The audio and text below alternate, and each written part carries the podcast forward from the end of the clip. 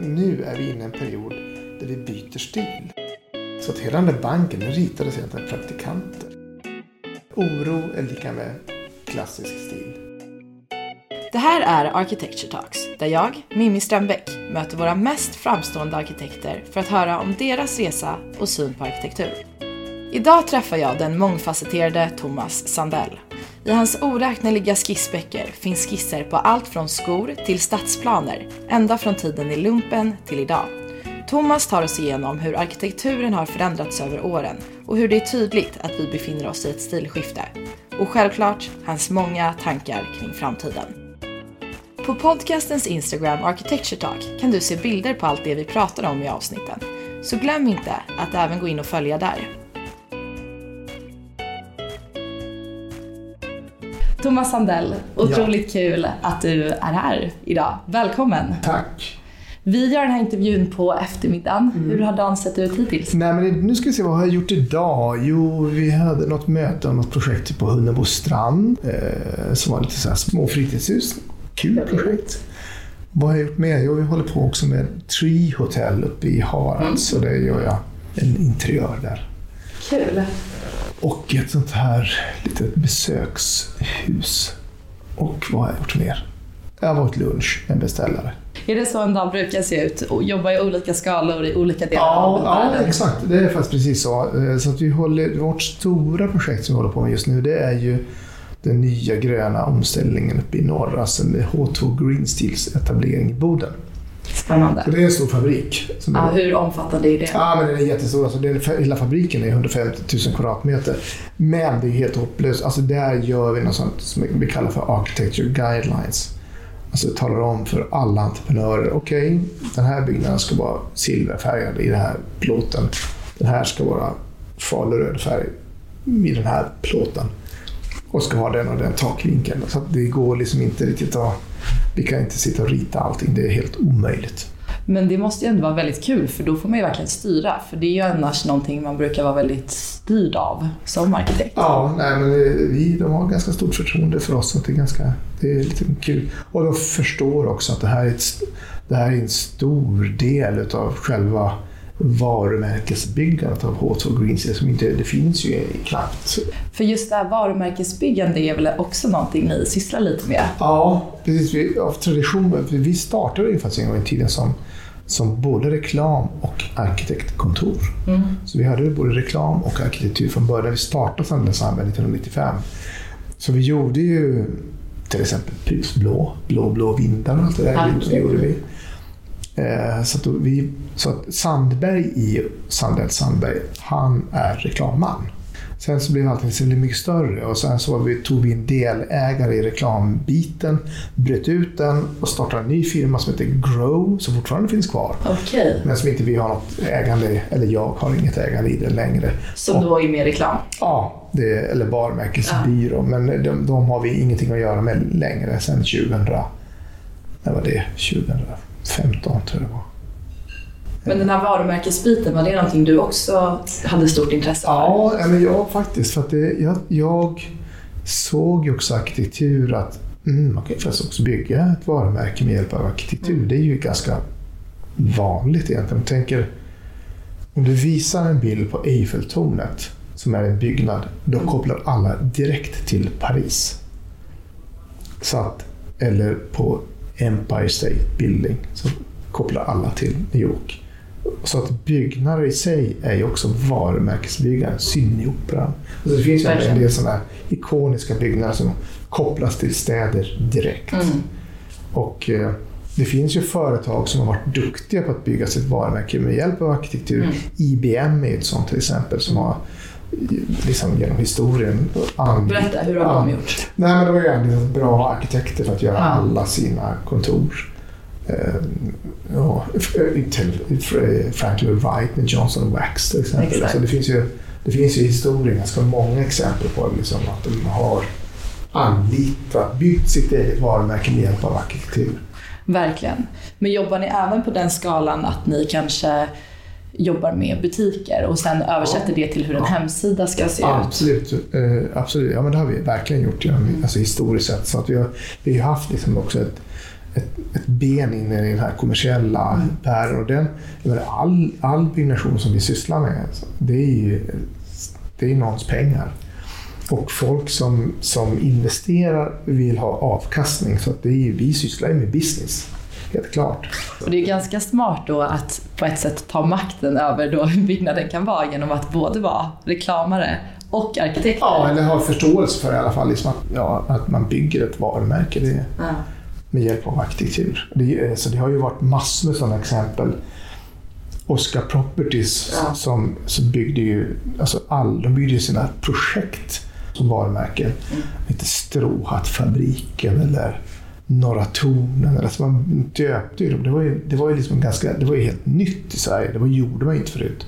Förut hette det ja, Skanska bygger lägenheter. Tecknade det. Så det var nu, JM bygger. Mm. Så att alla höll ju sen på med. De, var ju, de, var ju, de såg ju att att Oscar Properties tog en nisch i marknaden som ingen annan riktigt hade tagit. Definitivt. Och då fick, det, det var ju så här followers. Så att helt plötsligt varenda liksom by, liten byggare hade ju projekt som hette någonting med en fabrik eller någonting. Eller. Ja. Men vi vill komma tillbaka där. Men om vi bara spolar tillbaks bandet till 1995? Uh, ja, men 1995, men än, ännu tidigare. Ja. När du växer upp. Du ja, växer upp ja, i Finland uh, först. Ja, ja, ja, exakt. Jag är född i Finland. Ja. Uh, vi flyttade till Sverige när jag var sex månader. Ja, det var så. Ja. Okej. Okay. så, att, uh, så att jag var inte där så länge. Sen så har vi, har vi ett starkt band dit här som mina föräldrar är finlandssvenskar så vi, de, vi var ju tillbaka liksom varenda sommarlov och varenda jul och allting sånt där. Och nu bor de där också sedan 20 år tillbaka. Så att, mm. Och vi har jätteroliga projekt där också just Oj, i, den, i den stan. Så det är, Var i Jakobstad? Jakobstad, ja. precis. Och det är ju en svenskspråkig del av Finland. Ja. Så det går kommunicera. Ah. kan du någon finska? Nej, Nej, eh, kan jag inte. Men och sen så blev det då ja, Skellefteå? Eh, exakt. Så småningom då så, så hamnade vi i Skellefteå eftersom min pappa gjorde karriär i liksom en svensk sån pappersindustri kan man säga. Ja. Och sen så hamnade vi där och eh, där stannade vi också. Och, så det, det kan man säga, det är min uppväxtstad. Mm. Därför tycker jag också att det är min hemstad. Trots att inte vi bodde där så förfärligt länge, men det var ju viktiga år. Ja. Det var ju de år jag gick i skolan och ja. så gick grundsk- eller delar av grundskolan och gymnasiet. Ja, så det var fram till att du startade på KTH sen? Ja, Precis. Och den här flytten då till Stockholm, var det en mm. självklar del? Att ja, men, ja det, finns, det finns en liten eh, mellandel där. Så att jag var militär i tre år. Jag var reservofficer. Så, att jag, mm. så jag är kapten. Spännande. Ja, så det höll jag på med ganska. Och det var väl nästan målfoto att jag blev militär på riktigt. Ja. Men eh, sen så träffade jag två killar i, då i militären. Som bara förstörde det? Ja, men de skulle bli arkitekter, de två. Okay. Och jag tänkte, ja men det här är ganska kul. Eh, och de var liksom duktiga på att teckna eller måla akvarell. Och det, jag hade ju varit ganska duktig på det också men inte använt det till någonting egentligen. Hur hade du märkt att du var duktig på det? Jo, nej, men jag var, hade ganska lätt för mig liksom, i teckning och sånt där mm. i, i, grundskolan framför allt. Så det höll jag på med. Och sen så ja, men det var liksom ett nyvaknat intresse. Och de var liksom trevliga killar. Men satt de då, när ni gjorde lumpen, ja, satt de och ja, målade? Ja, det gjorde de faktiskt. Det är ändå... Ja, men sen var det också... Inte som mina fördomar här. Nej, men finns, det finns, ja, det, vad ska jag, säga, jag ska säga precis som det var. Ja. Så var det så att vi var en sommar på, eh, på Gotland ja. i militären. Och då, det var sommar, det var trevligt. Vi åkte till, till det här havsbadet, eh, Tofta havsbad eh, på, i södra Visby där. Så låg vi där och målade akvarell och då kom det fram en massa tjejer och tyckte åh vad gulligt, åh vad fint. Och så tänkte mm, det här är... Det, här är det är bättre att måla akvarell än att bjuda på drinkar. Det är billigare. Större framgång. ja, okay. Lite så så att jag, hela den här liksom, att vara idén att vara arkitekt blev liksom positiv för mig. Ja. Jag tänkte att det här är kul. Så då sökte vi tre okay. samtidigt, alla tre. Och sen så var det antiklimax att jag var den enda som kom in. Så jag var killen som hängde på egentligen. Mm. Och jag kom in och de andra kom inte in. Och sen så började jag på KTH och då var jag en ganska dålig student för att jag fattade inte riktigt hur det...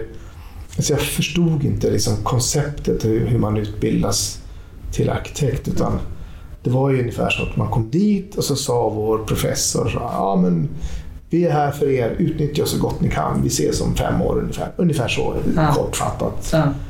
sa han. Och så ja, jag började lite sådär och tyckte, mm, här, okay, jaha, men här kan man ju vara på här kan man ju hålla på med andra grejer istället för att vara på skolan. Det verkar ju ganska kul. Så att jag, var ganska, jag var rätt usel. Faktiskt väldigt dålig. Men tittar tillbaka nu så tänkte jag, fan. Nu klarar jag mig igenom årskurs. Jag var ju väldigt van från gymnasiet. Ett, ett, ett, plugga, prov. Mm. Plugga, prov. Och här är det liksom inte... Det är inte så. Men kommer du ihåg något projekt då du gjorde som var riktigt jäkla dåligt? Ja, alltså det här första... Man har ju ett projekt som är liksom rum vid vatten eller något sånt där. Man skulle rita något hus vid vatten. Jag tror jag ritade en miljon olika fönsterstorlekar. Och liksom, ja, men det var liksom, man fick knappt upp en planlösning. Så det var inte så bra. Eh, men eh, sen så mellan årskurs, alltså på sommaren mellan årskurs 1 och årskurs 2. Då var det liksom som det klack till i huvudet på mig. För då läste jag biografi om Alvar Aalto. Och Då kände jag igen mig så mycket. Som, det är sånt där arkitekt jag vill ha. Jag vill hålla på med möbler, jag vill hålla på med eh, textilier, och grejer och stadsplaner en enda röra. Alltså, I alla skalor. Jag drevs liksom väldigt mycket av formgivningen. Alltså hur, man, hur saker ser ut. Då blev jag nästan alltså då gick min inlärningskurva från svagt sluttande utför till att liksom uff, då blev jag nästan, nästan till fanatisk. Gud vilken känsla Ja. då blev jag, då blev jag, då blev jag helt en ganska bra student. Vad kände du att du hade fattat då? Nej, men jag fattade att, att det roliga i yrket. Ja. Att jag hade inte riktigt fattat att... eh, Men våra lärare var ju heller inte riktigt uppmuntrande på det här att man liksom kan i, man kan ju faktiskt göra annat än att bara göra, göra hus. Man kan ju faktiskt också rita en stol eller man kan, så man kan en stadsplan. Eller, så det, jag hade inte riktigt... Men det berodde ju säkert mer på mig själv än på dem för att jag var inte speciellt närvarande i, Ja, men jag blev mycket bättre. Eller Då blev jag faktiskt ja, som näst, nästan till besatt. Jag läste, lärde mig allt om arkitekturhistoria. Jag kunde namnge varenda jävla stol. Mycket, det kan jag nästan fortfarande. Vem som har gjort det, det som, vem som har gjort vad och sådär. Så då blev jag ganska intresserad av yrket. Jag hörde någonstans att du eh, sa att du kunde När husen i när husen är gjorda. Ja, Ja. det kan jag fortfarande. Det tror jag. Vad är det du kollar efter då? Om man går och hoppar tillbaka tidigare, 20-talet och 30-talet. Alltså när, hu- det ritades väldigt mycket hus 1928 som, började, som började byggas 1932 eller sådär. Och då ser man hur arkitekten desperat har försökt ta bort allt så mycket ornamentik som möjligt för att göra det lite mer funkis.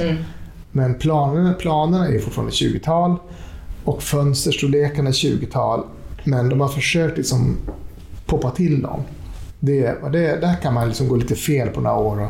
Är det här funkis eller är det 20-tal som är lite som är eftersläpat eller byggt? Ja. Alltså, det, kan vara, det kan vara en Har du några exempel på en sån byggnad? det finns ganska många, speciellt de här 20-talshusen. Det finns rätt många sådana som, som ritades ungefär 28, 29 och sen så började de kan också ha ritats 1930. Mm.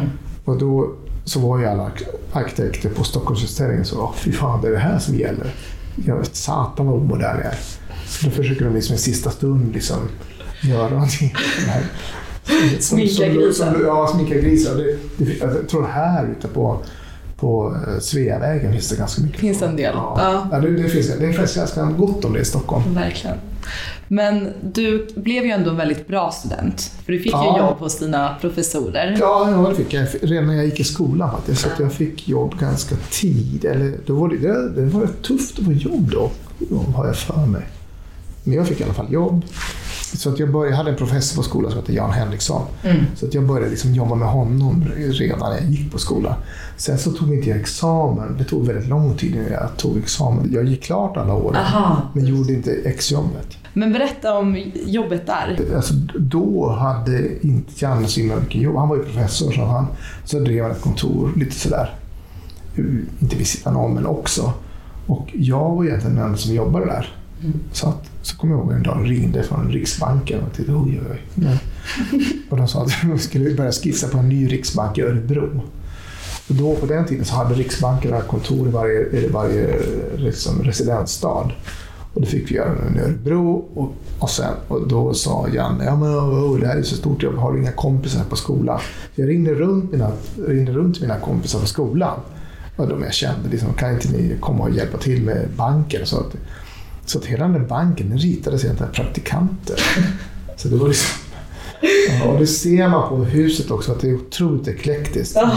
Så att liksom Kerstin fick ansvar för någon fasad och Stefan för någon annan och jag gjorde alla undertak och golv. Och det, så att alla har ju förverkligat sig själva. Alltså de är otroligt... Varje del på huset ser man, det är ja, väldigt olika detaljering. Men hade ni planen då att det skulle se ut på ett visst sätt eller blev det... Det, det, det blev väldigt mycket... Han hade naturligtvis en idé om, om den huvudsakliga gestaltningen. Ja. Men han, han skissade så väldigt, tunt så man fick liksom tolka hans skisser så gott man kunde. Det var väldigt så här tunna linjer. Och, man... väldigt Ja. kul, men Ja, stort ansvar att ni fick det. Det var väl Ja, det en var väldigt bra start. Ja, väldigt bra start. Och det var, så att man fattade inte hur bra det där var. Att man, det var ju också projektera ett, och det var inte vilket hus som helst, det var ju Sveriges riksbank, så det var ju staten som beställare. Verkligen. Tack och lov att de betalade ju också. Så att jag tror, Ja.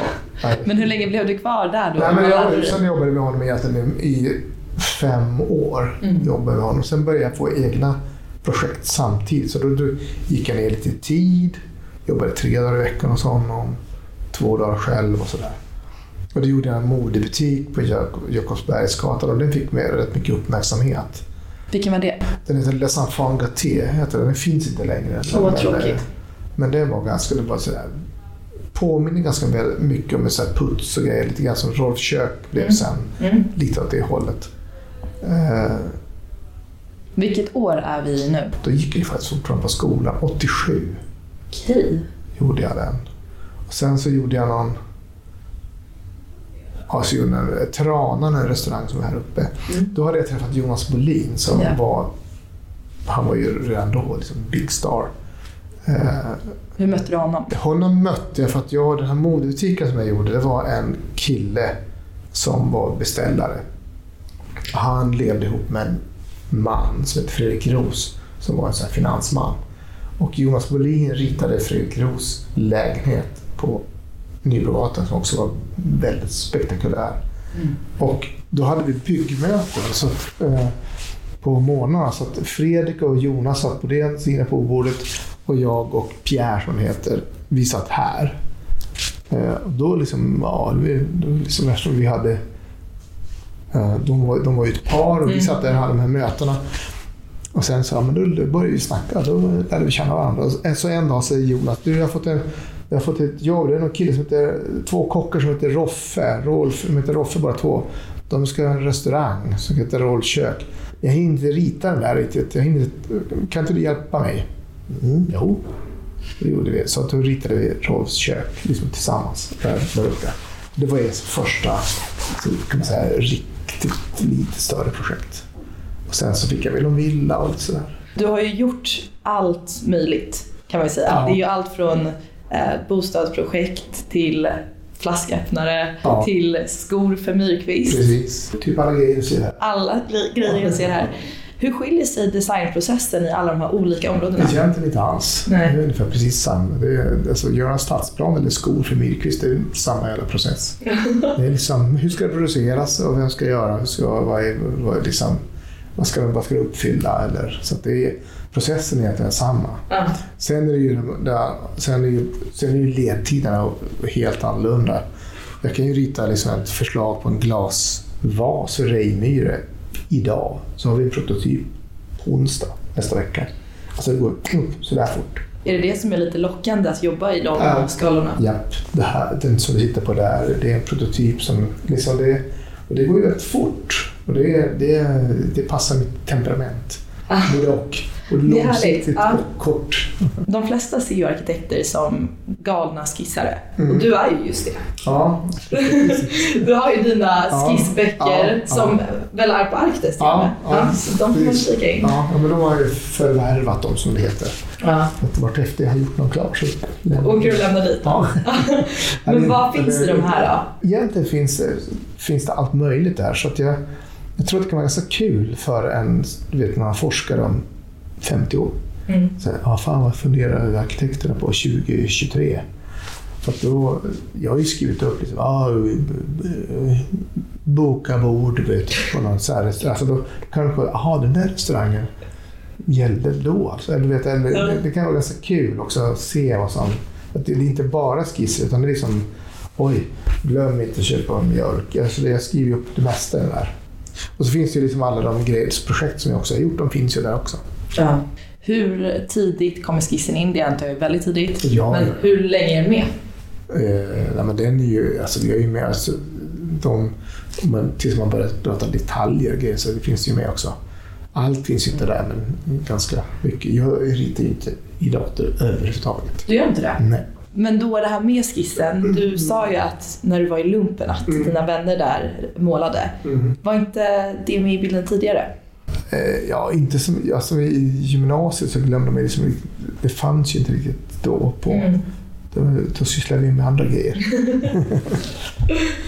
Men det måste ha blivit ett sånt uppvaknande och märka att man har en sån talang för någonting helt plötsligt bara av att man börjar. Ja, jo men lite så var det ju. Sen var ju inte jag någon superstjärna, men vi hade ju några i min klass, eller framförallt en, som var ju det. Jag kommer ihåg när vi hade första krokierna så det var man lite sådär...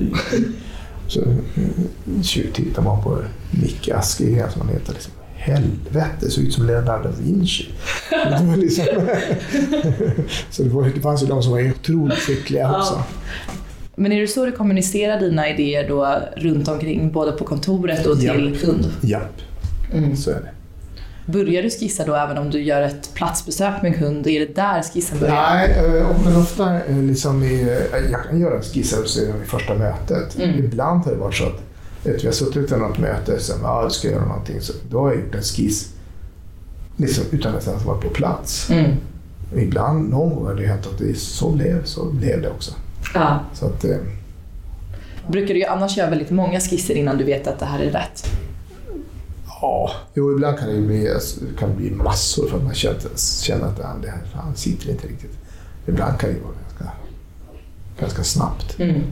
När vet du att det är rätt? När man, när man känner att fan, det här var ju bra. Men till exempel den där, det är ju sån där, eh, den, ser du inte modellen där bak? Det där är en sån där eh, Är det fisksätra. Ja. Det är När jag kom på att, liksom att först hade jag liksom ett rakt tak, du vet. Sen kom jag på det med tält. Ska jag efterlikna tält och tältet sackar ofta ner så här i mitten. Vilket är ganska snyggt. Alltså. Mm. Så gjorde jag det, så kom jag på men där kan ju fast ett ljusinsläpp. Då känner man, här nu fan. Man måste också ha, liksom ha det självförtroendet om man Ja. vågar släppa fram idén också. Ja. Vilket är den roligaste typen av projekt då? Nej, men jag tycker faktiskt att det är kul att hålla på med alla skalor. Så att egentligen så är det lite, jag skulle sakna husen om jag bara gjorde grejer. Mm. Jag skulle sakna grejer om jag bara gjorde hus. Men gillar du att göra alla olika skalor i eh, samma projekt eller vill du dela upp det helst i olika projekt? Nej, jag kan jag kan tycka att det är kul att göra. Eh, Det är inte så ofta man får göra det, men, Nej. men när man får det så tycker jag att det, det gör vi gärna det. Ja. Det tror jag egentligen så tror jag att det skulle vara det bästa för kunden också. Det är två arkitektkontor i Sverige som jobbar med Ericsson. Det är vi och Vingårds. Och fram till för tre år sedan då gjorde de alla husen. Och vi fick göra inredningarna. Mm. Så för tre år sedan, eller fyra år sedan, då bytte de. Så att Vingårds får göra inredningarna och vi får göra husen. Okej. Så att, eh, då tyckte jag att det var... Förut tyckte jag liksom, här, jag vill, jag vill också göra hus. Nu tycker man till exempel nästan tvärtom. Att, mm, jag vill också göra inredningar. Men är det något sånt projekt där, som är ditt favoritprojekt? Jag förstår att det är svårt att välja, men där du har fått göra allt det? Ja, ett av de första, eller vårt största projekt som vi gjo- gjorde i början där, det var Stockholmsbörsen och OMX. Så då fick vi faktiskt göra både inredningen Gud vad kul. och eh, huset. Var det ett av de första projekten på staden Sandberg? Ja, ja, som var ett av de, alltså de, egentligen vårt första riktigt stora uppdrag. Ja, Det var 46 000 kvadratmeter, det var, det var ju stort. just. Och då, då fick vi... Först fick vi arkitektuppdraget, sen fick vi tävla om inredningsuppdraget. Och då fick vi, fick vi också Men där hade ni lite försprång. Ja, det här, absolut. Jo, det hade vi. Men eh, ibland kan det ju vara en nackdel Ja. också. Att, ja, men ni gör ju husen. Så Och ni vi, kan vill vi ha nya tankar och bla bla bla. Är det något projekt som du eh, har jobbat med men som aldrig blev av? Ett kallbadhus. Ja, Kallbadhuset. Varför blev inte det av? Nej, men det var ju... Det är fantastiskt. Ja, men det var ju, det var ju eh, politik för Ja. oss. Eh, Såklart. Ja, men en, ett, ehm, eh, vi fick faktiskt projektet på att Ann, Annika Billström som då var stats, nej, förlåt, finansborgarråd. Mm. Hon tyckte det var ett fantastiskt projekt. Eh, Jag med. ja, ja, men det var många som tyckte det. Så att, eh, att hon, hon sa faktiskt när vi, när vi visade det här projektet för första gången så satt hon där bakom sitt stora skrivbord i stadshuset där. Och så ser hon ganska så här, hon såg sig ganska så här butter ut. Jag tänkte, vad, vad ska hon nu säga då? Och så lägger hon ifrån sig där, så lägger hon glasögonen på bordet och säger Det här är det bästa jag sett under alla mina år i stadshuset. Se till att det här blir gjort, säger hon. Så vi springer ut i korridoren och gör ett high five. Wow! Men sen så blev det politik eh, och eh, det blev liksom en opinionsgrupp emot det. Och när det, så fort det blir opinionsgrupper som är lite för högljudda då ser ju politiken till att mm, här kanske vi kan få lite röster. Så då är det någon som hoppar över och säger att "Ja, men vi är inte heller för det här kallbarhuset. Du vet ju hur det är att eh, allt, all nybebyggelse Ja. kan vara livsfarlig. Så det är så läskigt för vissa, det här med är jätteläskigt. Ja. Och speciellt om du ser om det är byggt i något lite modernare stug så är det ännu värre. Varför tror du att det är så? Det, det, ja, historiskt sett så är det alltid så när det är orostider. Alltid. Första världskriget, andra världskriget och Napoleonkrigen. och, Så, då blir det så, världen så osäker och alla blir lite nervösa. Då tittar man tillbaka i stilhistorien, i arkitekturhistorien. Oj, varför, oj, nej, men nu måste, vi, nu måste vi tillbaka till någonting vi känner igen, någonting någonting som är tryggt. Husen som byggdes då, de var ju jättetrevliga. Varför bygger vi inte så för? Eh, så har det alltid varit. Med Albert Speer i Tyskland som liksom byggde Berlin i någon sorts neoklassicistisk stil. Eh, men så det, det, man, man kan känna igen det där. Oro är lika med klassisk stil. Inte hålla på med några nya experiment nu. Det har vi inte, det har vi inte lust med just nu. när Det är krig i världen. Så jag tror att det är, det är en aspekt. Jag tror också att nu är vi inne i en period där vi byter stil. Mm. Vi går ifrån det här att vara ganska då, den rationella arkitekturen, upprepade liksom gridsystem och eh, nu vill man se någonting annat. Då tror jag att jag brukar kalla det för neojugend eller någonting sånt. Att det är liksom man, man- ser det dyker upp valvbågar lite här och där Ja. i projekt nu. Det kommer lite krökta, ondulerade, trevliga linjer. Så att, så att vi- är, just nu är vi inne i en period där vi håller på att byta stil och det är ju alltid svårt att sätta ord på det när man är mitt uppe i processen. Jag tror att man skriker till exempel arkitekturupproret. De skriker på att Åh, varför, det här är så fult, vi vill att det ska, varför bygger man inte klassiskt och så. så att jag tror att de har helt rätt. Att man frågar efter någonting annat. Men deras svar är ju fel. Det är alltid svårt att uttrycka, någon, uttrycka sig i någonting som inte riktigt finns ännu. Därför är det jättelätt att peka på någonting. Titta så där var ju jättefint. Mm. Bygg så. Men jag tänker att tidigare så har ju den här stilepokavsluten och stilbytena skett på grund av att vissa personer trädde fram och Mm. även teknik och Ja. eh, nya byggnadsformer. Eh, till exempel som med Le Corbusier, var ett enkelt exempel för Ja. modernismen.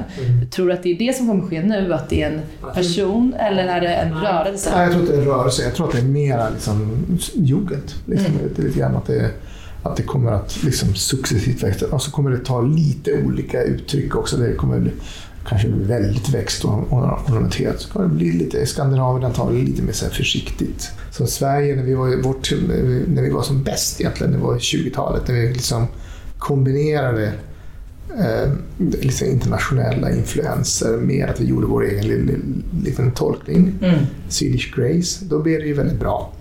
Och också, ja men då var vi ju då var vi på G. Då tittade ju alla på Sverige också. Verkligen. 20-talsklassicismen, alltså vår tolkning av det klassicistiska som jag hoppas att vi kan göra igen. Men det, det ställer ju krav på oss arkitekter. Vi måste ju Det måste vi, vi måste ju fatta. Men det är ju det, det ställer krav på oss arkitekter men det ställer också krav på alla runt omkring. Och vi arkitekter är ju så måna om att andra ska förstå det här men ja. det är ju inte självklart för att vissa tycker ju att objektivt, varför ska vi bygga modernistiskt när vi kan bygga klassicistiskt?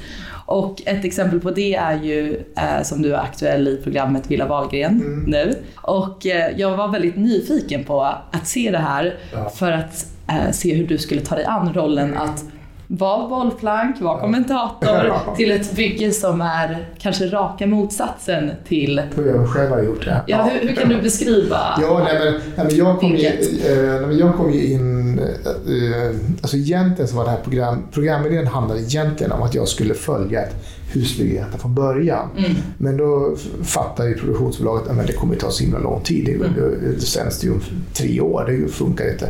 Då gör vi så här vi hoppar in och följer Pernilla Wahlgren. Hon är ändå knuten till femman. Mm. Eh, så, så, att vi följer hennes bygge. Ja, men så, det kan jag absolut göra, men jag vill inte framstå som det är jag som har ritat huset. Nej, nej, det är klart, det fattar vi. Om du beskriver huset? Huset är, det ligger på... Eh, alltså Pernilla har köpt en tomt. Det finns inte så många tomter på, på Lidingö. De tomter som är till salu är ju ofta, har ju ofta något något men. Mm. Och den här har också ett men i sig, nämligen nivåskillnad på 6 meter. Så att hon la då huset egentligen där man kanske kan lägga det om man ska göra det hus som hon ville ha. Hon har inte alltid haft superlätt i livet eh, utan har haft lite ups and downs. Och när hon inte hade så gott om pengar som hon har nu så såg hon ett hus ute vid Kotta vid Lidingö. Där huset så vill jag ha det om jag bli rik. Och det är ett sånt här New England-aktigt hus. Det var liksom hennes drömbild mm. av hus. Då när hon fick möjlighet, köpte den här tomten, så ville hon ju ha ett sånt där New England-hus. Det var liksom hennes, hennes dröm. Så då beställde hon ju en sån där kåk. Men då ligger det uppe på en höjd och utsikten är sisådär. Blev det hiss? Det blev en trapphiss. Men jag tänker då, för du är väldigt diplomatisk i det här programmet. Ja. För att du du är ärlig och säger dina åsikter, ja. vilket jag tycker är väldigt viktigt ja. att du gör. För jag tänkte att du kanske skulle äh, liksom tippa lite på tå. Ja. Äh, men vid ett tillfälle så säger du ju ändå, det som är härligt med det här huset är att det är du, men om jag är yrkesman och skulle komma hit för första gången skulle jag nog tänka, helvete vilket jävla fult hus. Ja. och det är en fin ärlighet och det är också, det är ju för att Pernilla är en fantastisk person. så man gillar ju, hon kör och, och, hon skiter i vad du tycker. och det är så härligt. Uh, men det som jag vill fråga dig då är ju hur du förhåller dig till en kunds önskemål när de inte går i linje med din vision eller rent av dina värderingar inom arkitektur? Ja, eh, alltså, så här tror jag det är. Alltså, om en kund kommer till oss och vill ha ett hus av oss, då har man redan bestämt sig för att men vi vill ha någonting. Alltså, då är de liksom redan inne i den här världen. Mm. Det är ingen som kommer till mig. Alltså Pernilla skulle ju aldrig ha kommit till mig men är du säker på det? Ja, ja äh, Hon kanske tänker så här, ja men ja, Thomas ja, han är härlig. Alltså jag har ju känt henne tidigare också lite grann, men inte på det här sättet. Men, nej, det tror jag inte att hon har gjort. Jag sa ju liksom redan från början att men det här skulle vi ha gjort ett suterränghus istället. Mm. Tagit tillvara på tomten. Liksom, då hade du haft en entré där nere, då hade ju tillgängligheten varit klar. Mm. Vi var ute och tittade på mitt eget projekt ute på, på uh, Gåshaga. Vi är där och säger, fan, varför köpte jag inte sånt här hus? så hon, är, hon, är, ja, hon, är ganska, hon är ganska ombytlig också. Sin, ja, det har kostat, kostat över 30 miljoner det här huset. Så det, men hur ser man att ett hus är gjort av dig? Ja, men det vet jag inte. Det är ungefär som att försöka beskriva sitt eget eh, utseende. Det är helt hopplöst. Ja, men några saker. Om du kollar igenom skissböckerna. Ja, men jag tycker väl... Jag, jag försöker nog. Jag kan nog tycka att vi har någon sorts förankring i det här. I liksom någon sorts byggnadskultur, men jag försöker ändå göra det på något nytt sätt. Tycker jag. jag tycker att jag försöker kombinera det här tycker jag. Det är som bäst. Ja. Men om du jämför från, eh, vi tar bara Riksbanken, mm. jättetidigt projekt ja, till nu. Ja. Både stilmässigt ja, och var ju, var process. Ja, jag känner, jag känner igen det jag har hittat i Riksbanken, det känner jag igen. Det är så? Ja, det, det hade jag kanske inte, inte exakt gjort likadant idag, men jag fattar liksom hur jag det är liksom samma värderingar jag hade då som jag har, som jag har nu. Det är det egentligen. Och vad är dina värderingar? Ja, jag är liksom någon sorts grundare i någon sorts modernism i alla fall, men en, någon sorts eh, liksom ändå koppling till det här skandinavisk byggnadskultur som jag alltid har liksom gått igång på. Jag liksom, tycker sådana lador och grejer är skittuffa. Tänker du att det viktigaste är att det ska vara snyggt och praktiskt? Eller har du även andra värderingar inom arkitektur Ja, som sträcker sig längre? ja, men jag vill ju att huset ska stå kvar. Nej, egentligen inte. Att de som ska flytta in ska vara glada. Men jag tänker gällande hållbarhet. Jo, men alltså jag tycker att hus som inte rivs, det är de hållbaraste Ja. husen. Så att eh, man bygger ett hus som man vet att det här står kvar i hundra år. Mm. Det är ju egentligen de mest hållbara Mm. husen som finns.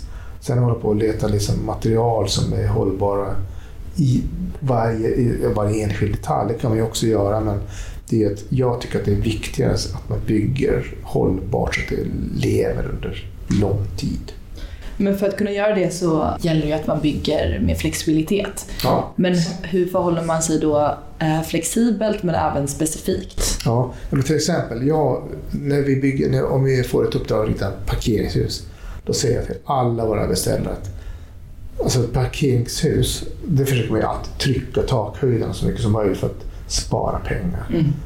Så om, när vi får självkörande bilar om 20 år, så då kommer de här parkeringshusen helt obsoleta. De kommer inte, och då kan du inte använda dem till någonting. Så att det går inte att göra om till bostäder, förlåt ett tak. Det går inte att göra för kontor. Det går inte att göra någonting med dem, annat än parkeringshus. Tänk på det när vi bygger det här. Varför bygger vi inte med takhöjder på tre meter? Då kan du återanvända huset till någonting annat i framtiden istället för att liksom riva kåken Ja. och liksom sniktjäna pengar eh, nu. För att det, det är väldigt otroligt kortsiktigt. Och det vet man om 20 år, så då är inte det en fråga längre. För att om vi nu har självkörande bilar, Ja. då kommer du sitta med din app så här, bil till min, min medbär, buff, där. Dödmästsgatan. Du behöver inte leta parkering heller. Ja, men arkitekter har ju alltid varit involverade i när bilen utvecklades, att bygga upp stadsplaner och att bygga visualiseringar och det här gjordes ju ofta för eh, bilbolagen. Eh, och då tänker jag liksom nu, vad som händer. Arkitekter har ju verkligen en möjlighet att ha ganska mycket plats i Ja. utvecklingen av självkörande bilar. Ja, ja, absolut. Kommer, du vara, Ja. kommer du vara snabb och hoppa på det Ja, spåret? ja, precis. Så fort möjligheten ges. Då är du det där. är kul att rita en bil. Ja. Ja, men också att alltså, alla, alltså bilens mått är ju anpassat från början efter häst och vagn eftersom det var de häst och vagn som definierade hur stor en gata behövde vara. Och då, då översatte man ju det. Liksom, det finns ju ingenting som säger att en bil kan ju vara liksom fem meter bred egentligen. Tekniskt sett så går, kan det vara på ett helt annat sätt. Ja. Men det blev ju inte det eftersom den kopierade häst och vagn. För det var ju de måtten som hade etablerat, etablerat en, en stadsplan. Men jag tror också att det kommer vara så att man, ju mer eh, digitaliserat det blir, ju större kommer behovet vara av liksom speciella affärer. Du vill liksom inte du vill kunna gå in och upptäcka, uppleva grejer också. Precis. Som en helhet. Sådär, oj vad kul, vad kul en, en korvaffär. Det är verkligen så. Ja, det blir lyx. Istället för att bara sitta och klicka på olika korvar och chansa. Bara, den där kanske är god. Eller, du vill träffa någon där som säger att men jag tror att de kommer vara ganska små, Mm. men de kommer bli mer och mer specialiserade. Mm. Kläder tror jag också att du, liksom, du kommer vilja liksom ändå gå... Ja, kanske ändå vill få någon, Känna på. kunnig person där som står där. Men, men du, den där brallan skulle passa skitbra ihop med det här. Och jag tror man vill, man det där kommer man vilja ha, tror jag, Verkligen. mer och mer. Så om bilen kommer klockan åtta imorgon till din port Ja. och du ska åka till en byggnad i Ja. Stockholm, vilken åker du till då? Ja. Ja, men jag har alltid sagt att den mo- modernaste byggnaden i Stockholm det är ju fortfarande Kulturhuset. Det är ju liksom, skulle den ritas idag, det hade ju... Det, jag, jag tror, för att vara ett, hade aldrig fått bygglov. Nej. Never. Det hade inte hänt. Så nu, nu, ska vi, nu skär vi av Sveavägen här och så bygger vi en- fond med helt uppglasat. Vad säger, vad säger ni om det stockholmare? Du kan ju tänka dig Ja. vilket hallå det hade blivit. Verkligen. Men, eh, så det, den, är ju, den är fortfarande extremt modern. Vad är det du gillar med den? Ja, men jag gillar ju att det är just idén med den som det var. Det är ett stort skyltfönster med Ja. kultur. Du kan ju bara stå där och titta. Liksom, Ja. ah, där uppe händer det och det. Och det och den är ju... Alltså jag, den är ju, alltså, hade man tittat på den, hade den pu- pu- publicerats idag, arkitekt Herzog i så vet jag, fy fan vad tufft. Ja, Men verkligen. det här är liksom 73, Peter Celsing, det är ganska coolt. Om du går in där och ska sno lite detaljer. Vilka detaljer med dig? Ja, men det kan vara nog ganska mycket tycker jag. Det finns, det finns undertag, de här snygga runda cirklarna som Celsing jobbar och ganska ofta med. Du gillar också cirklar? Ja, och sen så de här glaspartierna är jättefina. Trappan, Mm. fin. Ja, det är verkligen ett fantastiskt projekt. Men om du tar bilen lite längre då? Och lite Till- längre. Någonstans i världen? Eh, men jag brukar ofta säga, jag har varit, eh, alltså Villa Majeria, Alvarato, det här har jag varit säkert fem gånger och varje gång man är där så tänker jag, fan vad det här är bra. Alltså, Ja. Det är faktiskt, det ligger nära. Det är inte så långt att ta sig dit. Nej. Och ja, men det är bra. Jag planerar en liten Finland-tur. Ja, men Jag gjorde faktiskt en sån liten Finlandstur i fjol. Det var ju Villa Majeria också. Det kanske man får copy-paste på. Ja, absolut. Ja, jag känner faktiskt eh, de som äger den. Oh. Så att, eh, och hon heter faktiskt Majer, det är barnbarnet. Ah, Hon heter också Majer Gulliksen som farmor som beställde. perfekt.